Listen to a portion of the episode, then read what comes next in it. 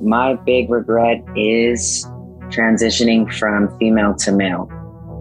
I feel like I took um, something from myself. I, I lost who I was for sure. It just felt like I was kind of always living a lie. Ik ben Johan Terrein en samen met Randal Kazaar maak ik een theatervoorstelling die Tot onze grote spijt zal heten. En die gaat over, ja, dat laat zich natuurlijk al raden, over het gevoel spijt. En om een beetje onderzoek te doen naar dat vervelende gevoel dat we allemaal kennen, maar liefst niet te veel willen hebben, ga ik met mensen spreken over hun grote spijt. En met die verhalen keer ik dan terug naar Randal om ze te bespreken en om te kijken of er inspiratie in zit voor onze voorstelling. Als je zelf een keer je verhaal wil doen in deze podcast, dat kan. Schrijf dan een beetje je verhaal neer en je spijtgevoel en stuur je bericht via mijn website johanterrein.com of via Instagram at johanterrein. De stem die je aan het begin al hoorde is van Brittany, een 31-jarige Amerikaanse die 10 jaar als man heeft geleefd en nu spijt heeft van haar transitie van vrouw naar man. Dit is tot onze grote spijt. En ik dacht in de intro uh, het is te hebben over de vier grote onderverdelingen in spijt. Ken die? Nee. Het kan zijn dat ik het al vergeten ben. Dus er zijn vier grote onderverdelingen in spijt. Er zijn vier grote onderverdelingen in spijt. Die zijn gemaakt door Daniel Pink, Amerikaans schrijver-onderzoeker. Mhm. Traditioneel was men zo wat geneigd om dat per thema's te onderdelen. Carrière, liefde, hè, zo de grote levensthema's. Maar hij heeft een interessante nieuwe onderverdeling gemaakt in soorten spijt. Ik ga ze opzommen. Hè. De eerste grote spijt is, noemt hij uh, fundamental regret, dus een soort basisspijt. En dat heeft alles uh, te maken met voor jezelf zorgen. Dus ik heb spijt dat ik uh, niet beter gespaard heb, niet beter gestudeerd heb, mijn gezondheid niet verzorgd heb, dat soort dingen. Ja, fundamentele spijt. Ja. spijt die een heel grote weerslag heeft op je leven eigenlijk. Ja, en die altijd neerkomt op, had ik maar beter voor mezelf gezorgd. Ja. Nummer twee is morele spijt. Dus dat is eigenlijk, had ik maar het juiste gedaan. Klassiek voorbeeld is, ik heb iemand gepest op school. Ja. Dat was eigenlijk niet schoon van mij. Ja. moet zo lachen? Ik moet zo lachen, omdat we zitten in krakende zetels en ik zie u best doen om niet te kraken. Ah, ik was me daar totaal niet van bewust. Ja, achterover en voor. Ah, dat is mijn onrust, uh, Randall. Ja. Relationele spijt, alles wat met relaties te maken heeft. Mhm. Dus niet alleen liefdesrelatie, maar ook uh, vriendschappen, en, en, collega's enzovoort. Hè? Had ik die maar beter verzorgd, mijn relaties. En de laatste is, ik, ik heb dat nu veilige spijt genoemd, maar hij heeft daar een ander woord voor dat ik nu vergeten ben.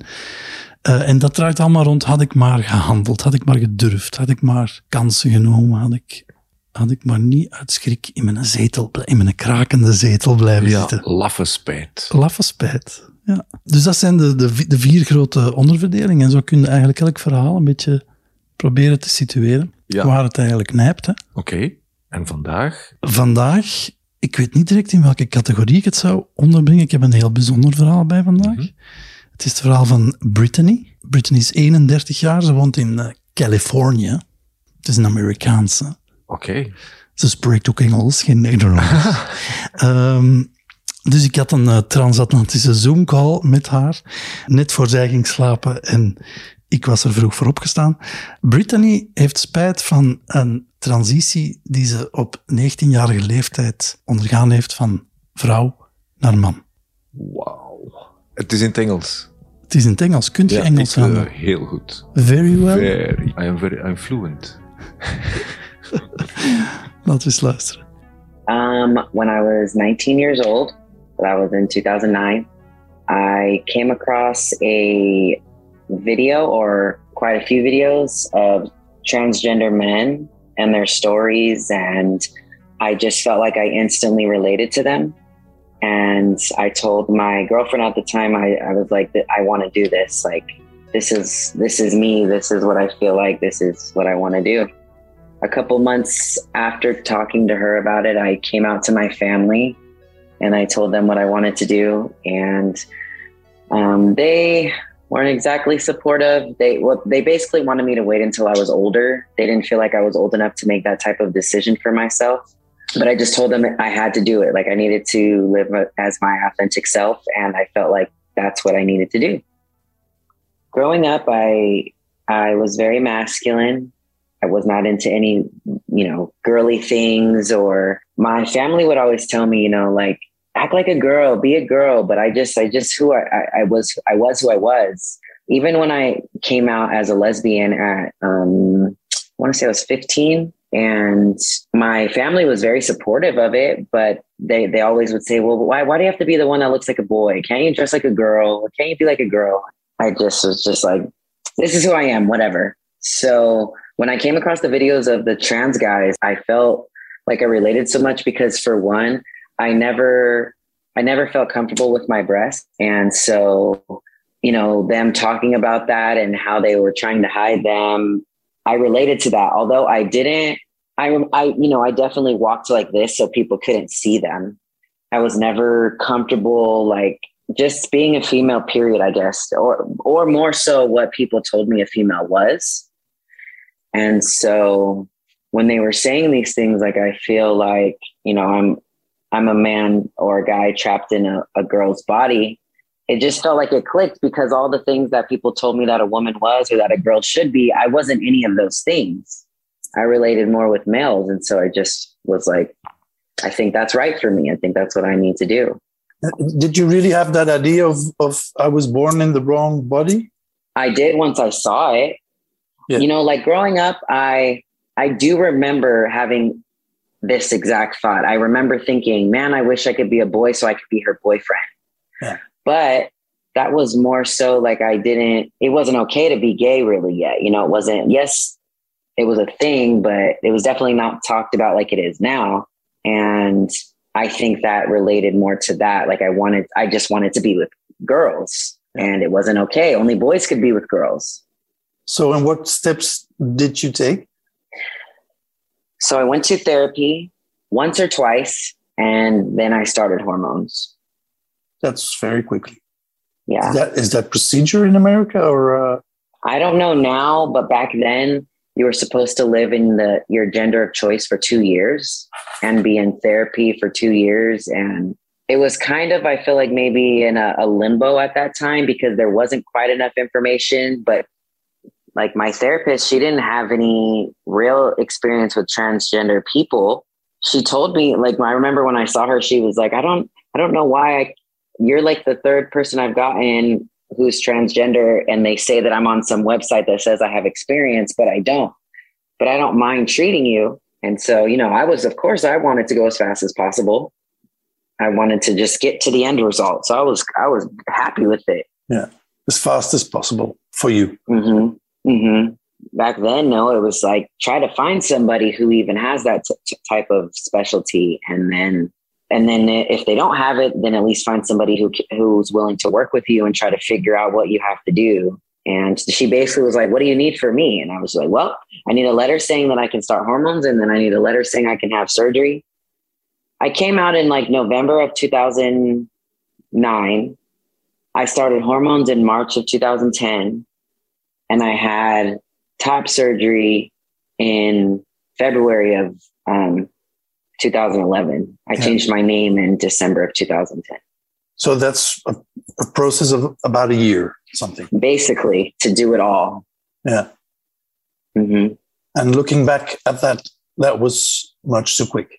Oh, absolutely. It, it's the the the greatest disservice I've ever done to myself because if I would have just gone through the steps and went through therapy, I believe I would have realized that I didn't have gender identity dysphoria or gender identity disorder, which is what they diagnosed me with, but I had body dysmorphia and, and body image issues. Can you explain me what's the difference between the two? So, gender identity is basically where you feel like you were born in the wrong body. You identify with the opposite gender or body dysmorphia is more body image issues, not your gender. Yeah. So you you you don't like or you don't like parts of your body. Mm-hmm. Okay. Or you mm-hmm. see yourself as a in a way that other people don't see you. but you're very like hypercritical of yourself or yeah, harsh. Dat was de kennismaking met Brittany. Oké, aangenaam. Misschien even samenvatten. Dus Brittany is lesbisch. Is daarvoor uitgekomen op haar vijftiende. En op haar negentiende krijgt ze video's te zien van trans guys. Dus vrouwen die een transitie hebben ondergaan naar man. En ze denkt, dit is het. En de familie vindt het eh, allemaal een beetje te vroeg. En heeft haar heel haar leven wel de boodschap gegeven van, wees eens wat meer een meisje. Ja. En ze is dan heel snel in het proces gestapt. De rol van die psycholoog is vrij bedenkelijk, zoals je hoorde. Die eh, was duidelijk niet competent in de materie. eh, en ze vroeg daar gewoon de toestemming aan om hormonen te krijgen en eh, operatie te ondergaan. Dat is allemaal gebeurd. De start van de hormonen en de topoperatie, dus de, het wegnemen van de borsten, is allemaal in één jaar tijd gebeurd. En daarover zegt Brittany zelf, dat is de slechtste dienst die ik mezelf kon bewijzen. Ja. En dan haalden ze nog even het verschil aan tussen eh, genderdysforie en bodydysmorfie. Twee moeilijke woorden, eh, waar toch een verschil in zit. Hè? Het zijn twee disorders, of hoe zeg je dat in het Nederlands? Eh, Problemen. probleem. Waarbij het- eerste vooral gaat over ik identificeer mij als het andere geslacht. En het tweede gaat meer over een soort eh, ongemakkelijke verhouding met je eigen lichaam of Ja. met delen van je eigen lichaam. In het geval van Brittany was dat duidelijk een ongemakkelijke verhouding met haar borsten. Ja. Ehm, de spijt past dan toch in de fundamentele categorie, hè? Als we in het begin zeggen, eh, de fundamentele spijt is spijt van niet voor jezelf gezorgd te hebben, dan, ze zegt het letterlijk, the greatest disservice, I did to myself, ja. het grootste... Een slechtere dienst kon Ja, ik mezelf niet ja. bewijzen. Ja. Dus iets wat ik meteen aan denk is, wat dat we nogal tegengekomen zijn, zo van, ja, gehandeld volgens de informatie die je hebt, hè. Mhm. En dus zij zat blijkbaar in een soort wereld waarin dat lesbisch zijn of als vrouw u mannelijk gedragen, Gedragen. of eh, Ja. mannelijke uitstraling hebben niet oké was. En dan zie je ineens van, ah, maar ik kan een man worden. Ja, dan klopt dat wel een beetje. Mhm. Ik hoor wel een liefdevolle familie, hè, die dat wel accepteert of zo. Mhm. Maar ik hoor inderdaad ook dat die boodschap wel heel duidelijk was van, allee, probeer toch Ja, een beetje klassieker te zijn of hè, wat meer te beantwoorden aan de patronen zoals we die kennen. En dat dat duidelijk toch ook zijn impact heeft gehad. dat kruipt erin, hè, jongen. Dat kruipt erin. Enfin, ondertussen, om met het verhaal verder te gaan, Mhm. is Brittany dus man geworden. How, how long did you live as a man? for 10 years. Um, it was a roller coaster. I was never happy, truly happy. I did eventually get to the place where I pictured the, the guy that I would become. So, like from my vision of when I first started to who I thought I would look like or who I would be, I did get to that place, but I still wasn't happy. And I remember when I was five years in, I was having these feelings of like, I don't want to live like this anymore. Like, at that time, I think I decided that I just wanted to not identify as either. I started doing things like um, letting my hair grow out and shaving my face so that I could feel more androgynous as opposed to just male. But I felt like I was too far in at that point. So I was like, might as well just keep going. Like I'm already this far. Like my voice is different. I have hair that grows on my face. Like I had surgery. I did all these things and it's just too late. So I just kept going. How did people react at that time to your transition? Um, I mean, everybody in my circle was very um, open and receptive and um, supportive. So I, there wasn't really a time that I ever felt like I wasn't. And then, like outside people, I didn't tell them. So a lot of times, people assumed that I was a gay guy, and I would just let them assume that. but did you try to live differently than before, now being a man? definitely i i was way more aware of my mannerisms and the way i spoke and just being present in the world as a male i i, I was always trying to just be so like not macho but just kind of one of the guys but a little bit over the top just so people like wouldn't see me as a girl. And then I really didn't like them seeing me as a gay guy. So like I wouldn't, you know, little things like sitting with my legs crossed or whatever. I just, I wouldn't do it because I didn't want to be seen that way. So you were very aware of your mannerism. Absolutely. All the time. And I think that's what was so stressful because I always had to be aware of what I was doing. And I just, I just felt like I was kind of always living a lie. So you felt like you lost kind of your own authenticity. Oh, yes. hmm I, I lost who I was for sure. And I, it, it put me in like an extreme depression for a long time. I mean, I still struggle with it, but, but it, it, it was exacerbated by transitioning for sure. Dus Brittany heeft tien jaar lang als man geleefd.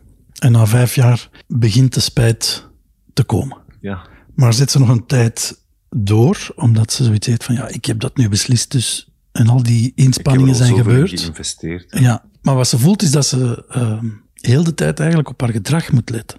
En dat ze niet wil gezien worden als een meisje, niet wil gezien worden als een homoman. En dat ze dus constant haar eigen manier, haar eigen gedrag in de gaten moet houden, waardoor ze zich niet meer authentiek voelt. Ja. Ik spreek nu heel de tijd over ze, hoewel het op dat moment natuurlijk een man was. Yep. En ze komt dus in een verhaal terecht waarbij ze het- gevoel heeft om constant een rol te spelen. En ze voelt zich dus niet meer eh, authentiek. Ze wil one of the guys zijn. Ja, en, en, en daarvoor moet ze zichzelf zo heel de tijd in de gaten houden. Ja, Dan wordt ze, ja, dan wordt ze hyper zelfbewust. Hè.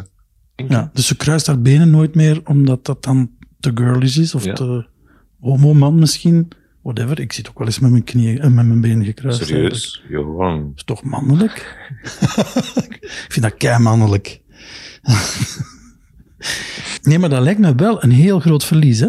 Het verlies van, u, van die authenticiteit, van, van uzelf te zijn eigenlijk. Hè? Eh, ja, het is mij niet vreemd. Allee, ik bedoel, ik, ik weet van mezelf dat er zo, er zijn plaatsen, omgevingen of zoiets waar dat ik zeer zelfbewust ben.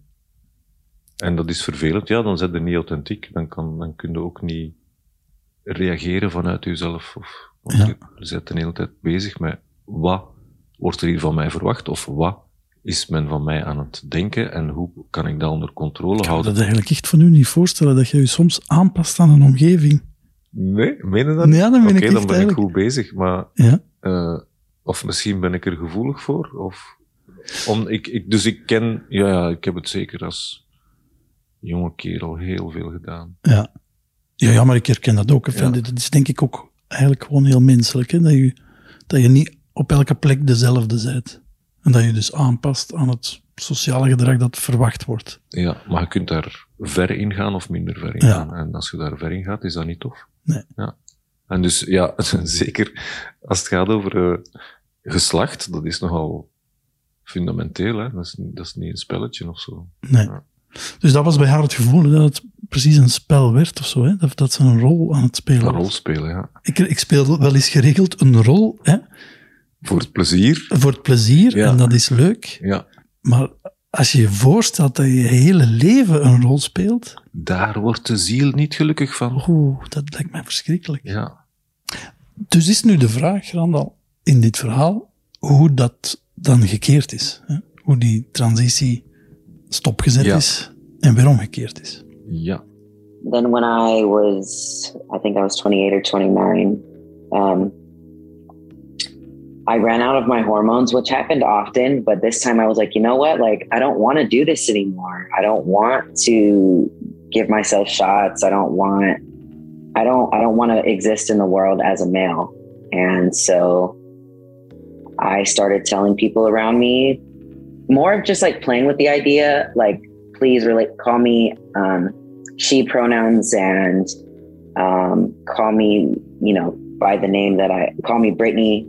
And they did. And the more I got used to it, because of course it was weird at first, because I had tried so long to like get away from that. But when like I really just sat with it, like it felt more like me. And I haven't looked back. so once I started stopped taking the testosterone shots, then my estrogen just naturally kicked back in and nothing really changed. The only, really, the only thing is when you take testosterone, it stops your menstrual cycle. So obviously, when you started it or when you stop taking it, it starts again. But that, that really, that's really only difference. Although people do say my face has softened, But there are some things that don't change anymore, like yeah, my voice will never go back to how it was before, and um, the hair on my face it will always grow. Um, so I have to pay to get it removed permanently. Yeah. And these are steps you're planning to take. Yes. Yeah. So when you transition to a to a guy, can you remember when the regrets started? I, I don't know why. I don't remember what it was exactly that made me feel that way, but there was a lot of things that now that I look back, I'm like, oh, that makes sense. Like, I had a hard time um, being around lesbian women and especially masculine women, and and I because I felt jealous of them, but I couldn't figure out why. I didn't know what I was jealous of. I couldn't figure out why um, I didn't want to be around them. Why I was uncomfortable, and now I realize it's because I wanted to be myself. I wanted to be them, which was me, but I couldn't. So, and at first you kind of like pushed that regret away because it felt irreparable. Yes. And I didn't want my parents to be right because they told me, wait till you're 25, you know yourself more. And I think I was about 25 when I was feeling like that. And I was like, there's no way I can let them be right. How did you finally take the decision for the, the detransition? I don't know what, what the final was like. I'm just not going to do it anymore. It's just once I ran out of my hormones and I thought about, you know, I don't have to do this. I don't have to replace them. I can stop. And I was like, I'm going to do that. I'm going to stop because this is my life and I can literally do what I want. I had to tell myself that though. Just even saying it to uh, my partner at the time, it was just like, it felt like weight was lifted off my shoulders. Like, oh, I don't have to, I don't have to live that life anymore. I don't have to exist in the world that way, even though I'd said, hey, this is who I am, but actually it's not. Dus na tien jaar man zijn en vijf jaar spijt, is op een bepaald moment haar dosis testosteronhormonen op. En beslist ze gewoon impulsief, ik doe dit niet meer. En wat ze vertelt is, ja, het oestrogeenhormoon neemt terug de bovenhand in mijn lichaam, waardoor ik terug mijn menstruatiecyclus krijg. Maar stem en gezichtsbegroeiing, dat zal niet meer veranderen. Wat ze ook vertelde, is dat haar spijt eigenlijk werd geboycott in die laatste vijf jaar door twee gedachten. Het ene hebben we al gezegd daarnet, uh, het is iets onherstelbaar, of het lijkt iets onherstelbaar, dus ik moet daar niet aan denken. En het tweede is eigenlijk dat ze haar ouders geen gelijk wilde geven. Typisch. Tot ze dus ja, gewoon impulsief eigenlijk denkt van, ik, ik hoef dit niet te doen. Ja. Het is mijn leven, het is mijn lichaam. Ik stop ermee. Ja. En de opluchting was duidelijk groot. Ja, dat is een goed teken. Hè? Eh, Als ik nadenk over zo van hoe, hoe moeten weten wat dat je wilt eigenlijk.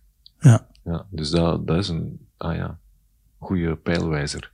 Iets anders dat ze vertelde, wat ik, mij ook wat triggerde, was van ja, ik was jaloers op, eh, op boetje dames. Ja, eh, hè, zo de mannelijke lesbiennes. En ik was aan het denken, oh ja, ja, ja, jaloezie, dat is ook een, een Ook Dus- een goede richtingaanwijzer. ja, een heel vervelend ding. Ja. Maar de dag dat je snapt van, ah wacht, ik ben jaloers op, omdat daar iets is dat ik echt wil, Ja, dan is het maar half zo vervelend niet meer. Omdat je dan tenminste toch al weet wat dat je wilt. ja. En ja, Dus eigenlijk zag Brittany daar, ja, maar ik was een mannelijke lesbienne en nu niet meer. En nu ben ik daar jaloers op. Dus eigenlijk is het het teken dat je dat eigenlijk terug wil zijn. dan. ja. Ja, maar zij was er een die van zichzelf dacht dat ze dan niet mocht zijn of zo. Allee, dat weet ik nu niet. Maar goed. Ja, ze dacht, of de gedachtegang was, om met een meisje te zijn, moet ik man zijn. Ja, omdat dat niet in haar, dat zat niet zo in haar wereldbeeld, dat je ook zo vrouw kon zijn. Mhm. Maar klopt, ja, opluchting en jaloezie, die allebei iets vertellen. Hè? Ah ja. Dit is juist, of nee, ik ben niet goed bezig, ik moet dat ander hebben. Ja, ja, ja misschien, misschien. Het is waar. De eh, opluchting is, eh, is een loslaten. En jaloezie is eigenlijk een, een opspannen. Hè? Dat is heel geladen. Hè? Eh, Nee, nee. is zo. Ja, maar je hebt dat ook in een gezonde vorm, hè? Gezonde jaloezie. Ah, dat ken ik niet. Nee? Toch, ja, ik heb dat, ja, absoluut. Als ik een heel goede theatervoorstelling of film heb gezien, dan heb ik gezonde jaloezie. Mm, ja, En dan denk ik, wauw, ja, die kan goed verhalen vertellen, zeg. ja, ja. En dan denk ik, ah ja, dat, dat is wat ik ook wil doen. ja. Ja, ja, ah, wel, Dus ja. dat is een soort motivatie dan. hè? Dat is, ja, dat is goed geïntegreerde jaloezie. Dank u wel, Randal. Eh, Ah ja, de, ehm, dus blijkt dat je in het Engels ook een, een goede gesprekspartner bent, hè? waarom? vind ik. Ik ben aan het luisteren en ik denk, ah ja, ik hoor niet veel verschil Met hoe ik het in het Nederlands Ja. doe. Ah, ja? qua kwaliteit van luisteren. Ik ben daar een beetje toch- jaloers op. Ah ja, zo. Ah ja. de Ah, dus, gezond ja. jaloers? Ja. Of? Nee, nee, nee, gezond jaloers. Zo van, hmm, als, ik, als ik dat nu nog zou, als ik dat nu een beetje zou kunnen leren, dat zou nog wel tof zijn. So it felt like you were missing yourself. Oh yeah, yeah. That that's actually a really good way to put it. I was. I I definitely would think about that. Actually, like I would have missed the person I was in high school because that was the last time I was really female was when in high school, and I had such confidence and I was happy, and it was the confidence that I was just like I don't have that anymore. And did the transition bring that back to you? Yes. I still struggle sometimes, of course, just because I'm I'm, I'm retraining my brain How do you do that? Well, when I find myself trying to judge myself for things of like that's feminine or that's masculine or that's whatever, I'm like, who cares? Like I I just am what I am. It doesn't matter because all those things come from what someone else tells us what it's supposed to be, not what we actually feel. And that has been like the the thing that I've had to rem- remind myself the most. And when I stopped trying to like live up to what society says or anybody else, it was just like, whoa, like, why didn't I do this a long time ago? You would think this would be so simple. How did people react uh, to your detransition? Everybody was really supportive. And once I started it and, and people started seeing me, they, they told me how much happier I seem, how much more authentic I look. Like I, I've genuinely had a lot of people say that specific word. And the outside world? for the first like year or so after transitioning, I still was called he and male. I'll, I mean, if it bothers me enough, I'll say something. Like if I continue to hear sir or something, I'm like, it's actually ma'am, but it's fine. Yeah. That way they don't feel too stupid because normally people are like, oh my gosh, I'm so sorry. And I'm like, it's fine. Don't worry. I get it all the time. I'm just letting you know. Can you can you see people trying to find out what your sex Yeah. Yeah. Yeah. Oh yeah, maybe not so much now. Not really now. Now I just it's mostly she. But before, it, it was very easy because it would be the eyes. They look at my eyes, they look at my chest, then they look back at my eyes, and they're like, okay, there's no breast, must be a guy. Yeah. It was, it all the time. yeah. Do you still remember your body like it was before? Parts of it. The other parts not at all. Like I don't remember this at all. You They don't were remember your gone. breasts. Not at No. all. They were gone. They were gone longer than I had them, or they've been gone longer than I had them, should I say? So you don't regret the top surgery. I do and I don't. Um, the main reason I regret it now is because I want to have a child and I won't be able to breastfeed. That kind of makes me sad. um, and then the, the only other time is when I'm I'm just feeling insecure in my femininity, and I'm like maybe if I had him I would feel more feminine, but I usually can like talk myself out of that. Like regardless of what you have, you're still a woman and you can still be feminine. So it's just been a lot of like self talk. Yeah. Sounds like a real exercise to to keep you ongoing and to, to be content. Yeah.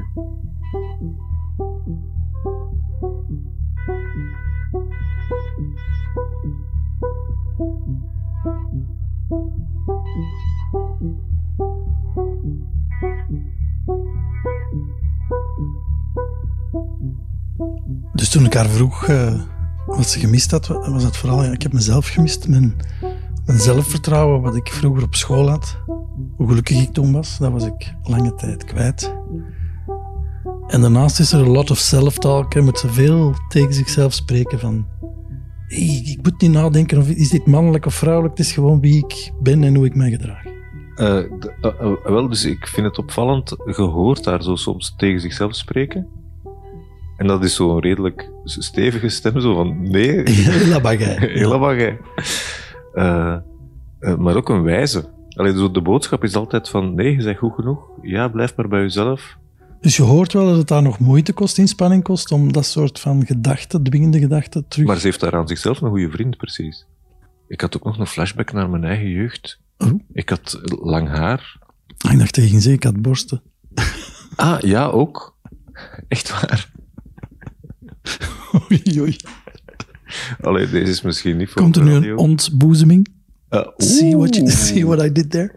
Uh, ja, ja, op, op een gegeven moment in mijn puberteit begon ik, kreeg ik zo knobbeltjes onder mijn tepels. Ah ja, maar dat heb ik ook gehad. Ik ja, enfin, ik vond dat verontrustend. En je dacht echt dat je borsten ging krijgen? Ik wist het niet goed. Het was zo, de uitleg was van, ah ja, maar dat is van de hormonen van in, van in het kippenvlees. is dat echt? Ja, maar misschien was dat ook gewoon, nou, ik, weet, ik, weet, ik weet het eigenlijk niet. Het is lang geleden. Maar dat was niet, dat was niet waaraan ik dacht. Nee, sorry. Dus, je had lang haar. Ik had lang haar. En ik heb ook niet zo'n atletische lichaamsbouw of zo. Hè. Dus ik ben nogal een fijntje. Uh, en dus ik werd wel regelmatig uh, aangesproken als uh, juffrouw of zo. Als je, als je een klein, alleen, nog een kleiner Nee, als tiener. Als en ook zelfs, ik denk, ik denk als prille twintiger ook nog. Maar echt? Are mensen die, zo, die mij langs, langs achter of slechts zijdelings of zoiets, ja. Dat heeft ook met dat elegante pasje van u te maken. Waarschijnlijk, ja. Is daarom dat je die baard hebt laten staan om geen vergissingen meer mogelijk ah, wel, ik was, ik was aan nu aan het denken, ja, misschien heb ik daarom een baard. Zo van, wacht gasten, we gaan het hier duidelijk, het hier duidelijk maken. Ja. Um, was dat iets wat u stoorde als kind? Eigenlijk wel. Ja? ja? toch wel. Zo die verwarring, die genderverwarring is, is niet prettig eigenlijk. Ah, wel, dat gaat toch... Ja, ik ben onder de indruk van hoe dat Brittany daarover praat. Ja, dat is waar. Dat is toch nogal fundamenteel. Allee, ik bedoel, als ik van mijn melk geraak, omdat, omdat er iemand mij juffrouw noemt, nu zou het mij minder kunnen schelen. Maar enfin, toen was dat heel belangrijk, precies. Ja. Maar ik wou wel graag lang haar hebben, maar ik wou niet als een meisje gezien worden. Uh, ja. Nee, maar dat klopt. En, en nu denk ik ook van, oh, nu snap ik ook die gevoeligheid beter rond, de, uh, rond die pronouns en zo. Nu dat je dat vertelt. Ja. Dat is eigenlijk niet leuk. Als je verward wordt met iets wat je niet bent of wat je, je waarvan je niet vindt dat je het bent. Ja. Ah. Aha. hey, ik heb hier een klein empathisch momentje. Oh. Goed, terug naar Brittany. De vraag die zich moest stellen was natuurlijk, wat is de spijt je komen vertellen? Ja. I think the regret has taught me about self-love and what that really means. For me, it's liking the person I see in the mirror, regardless of what anybody around me tells me. And not just like who I see like physically, but also like who I know I am inside. Like that's that's the person I've had to fall in love with because I haven't loved myself for a very long time. I wouldn't even like to look in the mirror before. Now I do, and I, I look at the things that I appreciate about myself. Does that mean that you feel like you needed that lesson? Like you wouldn't have learned it without the regret? Mm-hmm. I'm sure I would have learned it some other way. so, for whatever reason, this was my journey to self love, and I try to just accept it for what it is. yeah, yeah I definitely went one of the most difficult paths possible to get there, in my opinion. Yeah. like all these things that I did just to get back to who I originally was. I'm in a way. I could never be that person again, but to a degree. And do you miss that person? Is that um I did, but I don't feel like I do anymore because I feel like I am that person. The only, really, the only difference now is back then I played basketball and that was my, that was my life. That was everything. And when I transitioned, I lost that. so that really that added to my depression. So the only difference I would see now is that I would still be doing that. But besides that, I feel like I am who I was supposed to be. Zelfliefde. Dat was de les van de spijt. Zoals ze zelf zegt, wel via een verschrikkelijk gecompliceerd pad om dan uit te komen bij mijn originele zelf. En daar zit dan weer een interessante bedenking, vind ik. Ze zegt dan even, ja nee, ik kan nooit niet meer zijn wie ik origineel was. Mhm. En dan denk ik dat ze dat vooral fysiek bedoelt, want eigenlijk komt ze wel tot die conclusie, Ja. ik ben nu wie ik origineel was. Wij kunnen ook niet meer, jij kan ook niet meer terug naar die twaalfjarige Randal met zijn lang haar die met een meisje verward werd. Dat kan jij ook niet, Nee, eh, 14, 16. hè? enzovoort. ja. Ja, dus, dus er zit altijd evolutie in een leven en, en je bewandelt altijd een pad. ja, Dat is niet te vermijden, dat, dat jou op plekken brengt, eh, doet evolueren. En dat vind ik wel mooi, dat ze het zo kan zien. Hè? Dat, dat ze kan zeggen, ja, dit was mijn pad, was een beetje gecompliceerd. Eh, ik heb er een serieuze depressie aan overgehouden ook, maar ik kan nu beter van mezelf houden. dat is ook dikwijls. Hè. Als je een les geleerd hebt, is het parcours er naartoe minder belangrijk. Als je de brug over bent, ja, dat kan zijn dat het een lastige weg was daarvoor. Of een gemakkelijke, of veel avonturen, of eindeloze saaiheid. Maar je bent de brug over. Mhm. Haha, Op een plek waar je wilt zijn. ja. Mhm. Ja, het is allemaal, het is eigenlijk allemaal maar leven, hè. Ja. Meer of minder ingewikkeld, dramatischer, minder dramatisch. En ook zo, ja, spijt. Spijt komt nu iets vertellen. Dus- En wat spijt u komt vertellen zijn, dat hebben we nogal meegemaakt, dat zijn belangrijke boodschappen. Absoluut. Is the regret still there about what happened? I don't, I don't really think about it truthfully. I don't because if I do allow myself to go to the place where I'm like feeling sorry for myself, then I just wouldn't be in a good place because at the end of the day, I can't change it. And I think that's really what keeps me from like being stuck in it because there's nothing I can do. I literally cannot make my breasts come back. I can I can't change my voice. I can't like I can't change any of the things that I've already done. So there's no point in me continuously sitting in that regret. I I, I did sit in it for a while. Then I just tried to say thank you to the experience and let it go. I think I'm in a place where I'm happy to be who I am and I'm glad that I made the decision to detransition. I wish I would have done it a long time ago. Furthermore, I wish I would have never done it, but here we are. And I just keep reminding myself it happened for a reason, whatever the reason was. I mean, it was I, ultimately a, a path to self love, but like, why? Why did I have to go that way? it was, it was a very difficult path. You described yourself as a as a rather happy person before the transition. hmm I was. So did that did that uh, person you were then need lessons in self love? Yeah. I mean, I was happy, but I I was also a people pleaser. And I feel like that stemmed from me not loving myself and accepting myself for who I was. So I definitely did have to learn that lesson. And this is the way it came to you. Yes, it is. Lucky me. Thank you, universe. Right, because now I get to share my story with you. Yeah. Het zou kunnen, Johan, dat ze heel haar avontuur beleefd heeft, gewoon maar om het aan ons te kunnen komen vertellen. Zo deed ze het even uitschijnen, ja. Ook wel interessant vind ik. Hè? Dus, ik vroeg haar van, is, is de spijt er nog? Eh, en ze zei, nee, ja, daar ga ik niet te veel niet meer naartoe. Want dat is geen goede plek. Hè? Ik wil mij vanaf nu concentreren op eh, de les die ik geleerd heb en op het positieve. Ook wel een belangrijke boodschap, hè? want we zitten hier altijd wel te zeggen van kijk naar uw spijt en, en, en, en doorleef het en zo. Ja. Maar vind ook de moment om daar terug afstand van te nemen, is denk ik ook belangrijk. Dat is waar, maar ze, ze spreekt over self-pity, hè?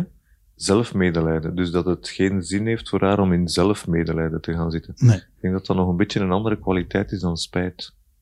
Nee, maar goed, als we ervan uitgaan dat ze vijf jaar spijt heeft gehad toen ze nog man was, Mhm. eh, en dan komt dat opluchtend moment van ik ga dat niet meer doen, ik word Ja. terug vrouw. En je hebt je lessen, eh, je hebt je lessen geleerd. En je hebt eh, gezien van oké, ik, ik, ik mag mezelf graag zien. Ik ben op mijn authentieke manier een fijn mens. Ja. Dan mag je ook terug wat afstand nemen van die spijt, toch? Ja. Dan heeft het zijn nut bewezen. En dan mag dat terug naar de achtergrond, hè? toch? Eh, ja. Ah, van u ook. ja, van, ja, ja, van, ja, van mij ook, maar van haar ook. Hè. ja, ja. Ja, dat vond ik interessant aan wat ze zei. Mensen zeggen toch dikwijls van, ja, ja, maar spijt, als je daarin blijft hangen. En dat is zo'n beetje een schrik. En ja, dat hoeft helemaal niet. Hè. En je Dan- kunt dan, als je wilt, kun je dan nog een spelletje spelen van waarom is het zo moeilijk moeten gaan? Of zo. Hè? Ja. Hoe, hoe, allee, waarom heb ik niet waarom heb ik dat nu en zegt. nu en niet moeten meemaken? Om, Ja. Maar ja, je zet de brug over, vriend. Ja, Het is oké. en dat is het belangrijkste. You said, I feel like my story should be shared. Why is that? because it's not talked about enough at all if really i mean i've started to see it a little more you know I ha- on my snapchat stories so i know it's like out there I, i'm seeing it more of i used to live this life and now i don't i feel like there's such a negative uh, stigma attached to it because people uh, who oppose like transgender people they could say maybe that it's not real or I don't know. They, but they, it, it's definitely something that they would try to use, or I've seen used. Like, see, this is why you shouldn't allow people to transition. And I just, we, it just needs to be out there. It needs to be talked about. Like, and, and I really believe that a lot of people who did it around the time that I did it, there, there's going to be a lot of people who detransition. I can think of at least three people in my own small circle that detransition. I, I feel like there probably was a period where maybe it w- I wasn't the only one who was just speeding through the process. And the, the, the trans people, how do, do they react to detransition? Honestly, I don't really have many trans friends. I remember telling a, I think that she is bisexual or, pansexual. I don't know what she identifies as, but I remember telling her when I first started, and her first reaction was, well, just make sure that's what you really want, or be careful because people will use your story. Just like I'm saying, my my other couple of trans friends um, were really supportive. I mean, one of them has since questioned, like, you know what? I don't I don't think this is me either, and I've I've really been fighting it for a long time, and I'm glad that you said something because I was feeling that way too. Een interessante gedachte die ze aanhaalt is... eh, ja, dit soort van verhaal zou ervoor kunnen zorgen dat mensen die het idee van eh, transitie niet genegen zijn, dat die het gaan gebruiken, het verhaal, om te zeggen, zie je wel, dat is, niet, dat is geen goed idee. Dus daar is ze voor haar hoede. Dat- en zo reageert men eigenlijk ook in de transwereld van, oké, let op als je dat verhaal doet, want men gaat dat misschien kunnen misbruiken. Dus ze zitten zo wat, ik denk dat ze zo wat nergens niet meer bij horen. Mensen die de detransitie aangaan. Eh, dat zal wel, ja. Want ja, het, vraagt al een grote beweging om eraan te beginnen, denk ik. Allee. Dus als, aan 9 kansen op 10 wil dat zeggen dat je niet zo oké bent waar dat je zijt. En dan kan ik me voorstellen dat een trans community, dat je daar dan thuis bent. Ja, en als je daar dan weer uitstapt. Ik kan me wel het gevoel voorstellen dat je daar dan ook niet meer bij hoort. Ja. Maar dat geeft niet als je jezelf gevonden hebt. Dan, Nee. heb je niet, dan heb je de ander niet meer nodig om je te vertellen wie dat je bent. Dat klopt. Ja. Dus dan ben je overal thuis. Als je thuis bij bent in jezelf, ben je overal thuis. I just wonder what my life would have been if I didn't do it. I wonder, is there also a lesson to be learned for, for everybody? That if we stop thinking so gender wise, like a man should be that and a woman should be that, that yeah, people could be more comfortable in the body they were born in. Definitely. I I mean, I feel like that would change society so much. It's not possible to 100% make it that way, but if people could just truly be themselves and not have to worry about the gender stereotypes and all that, I feel like people would be so much happier. I mean, think about men and the way that they're raised, and a lot of times, you know, not to have emotions or not to do this because that's not what a man does. Like, why? Why can't that person just be a human?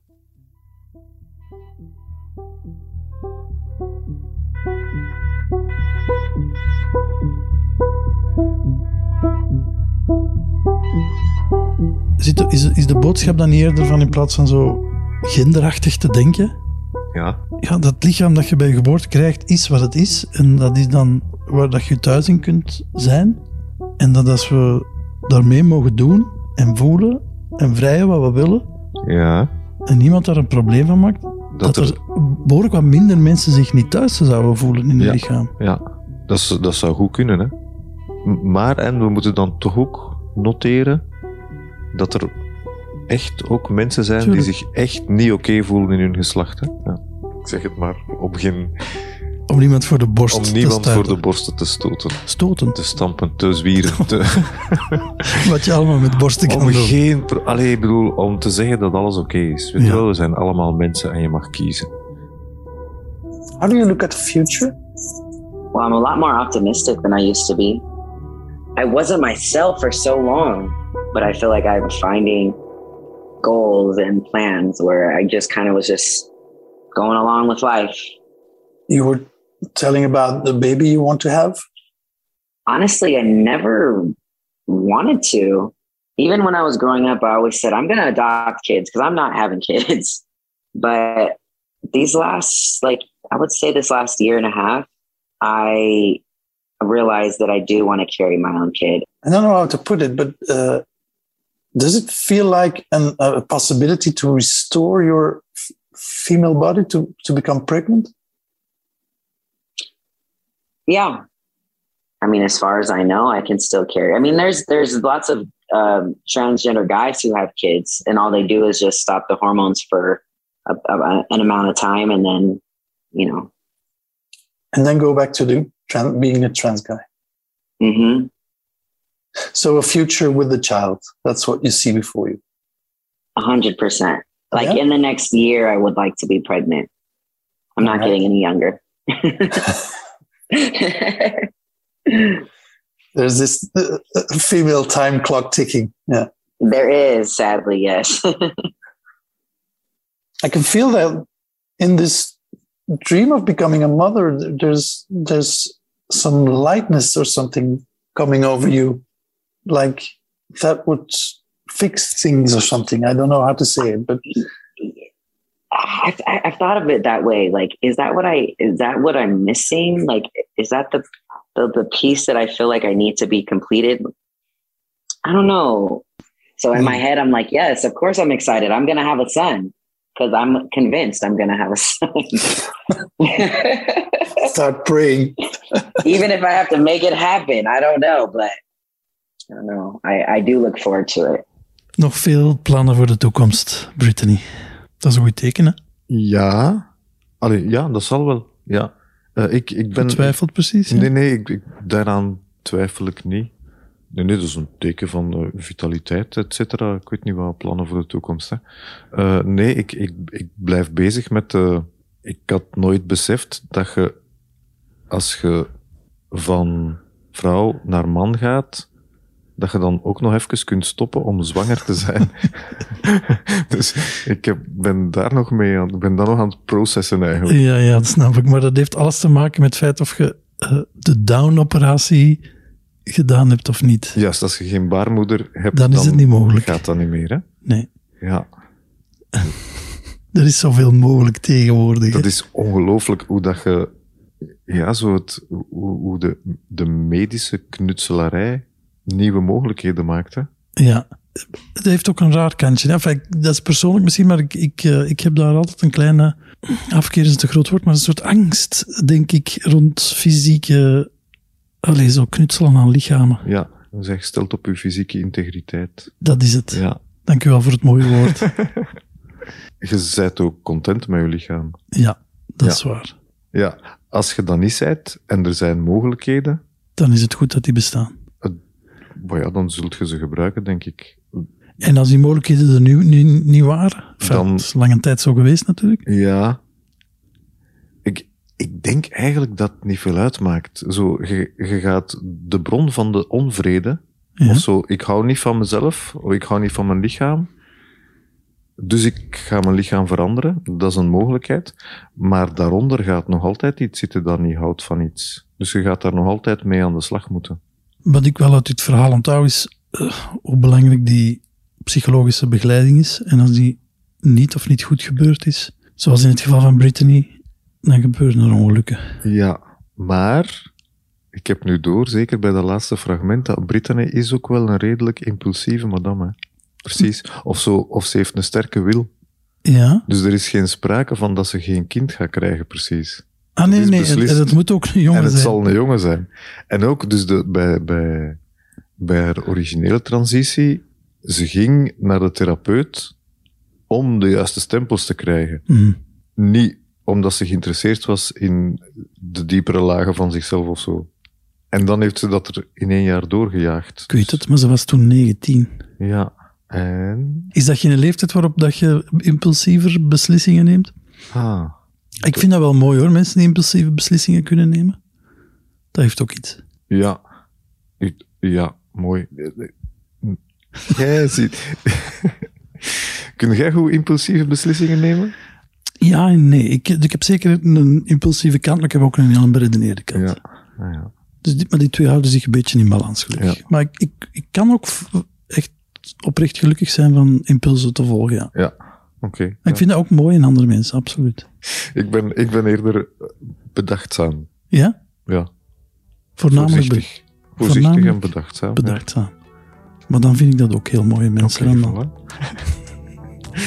Dankjewel. Dit was tot mijn grote spijt, tot onze grote spijt. Een bijeengebabbeld onderzoek over het gevoel spijt. Als je deze podcast wil blijven volgen, abonneer je dan. Ken je mensen die dit ook leuk zouden kunnen vinden om te beluisteren? Wel deel het met die mensen. En alle informatie over dit project en de theatervoorstelling die eraan komt, vind je op johanterrein.com of via Instagram at johanterrein. Dus blijf in contact en tot een volgende keer.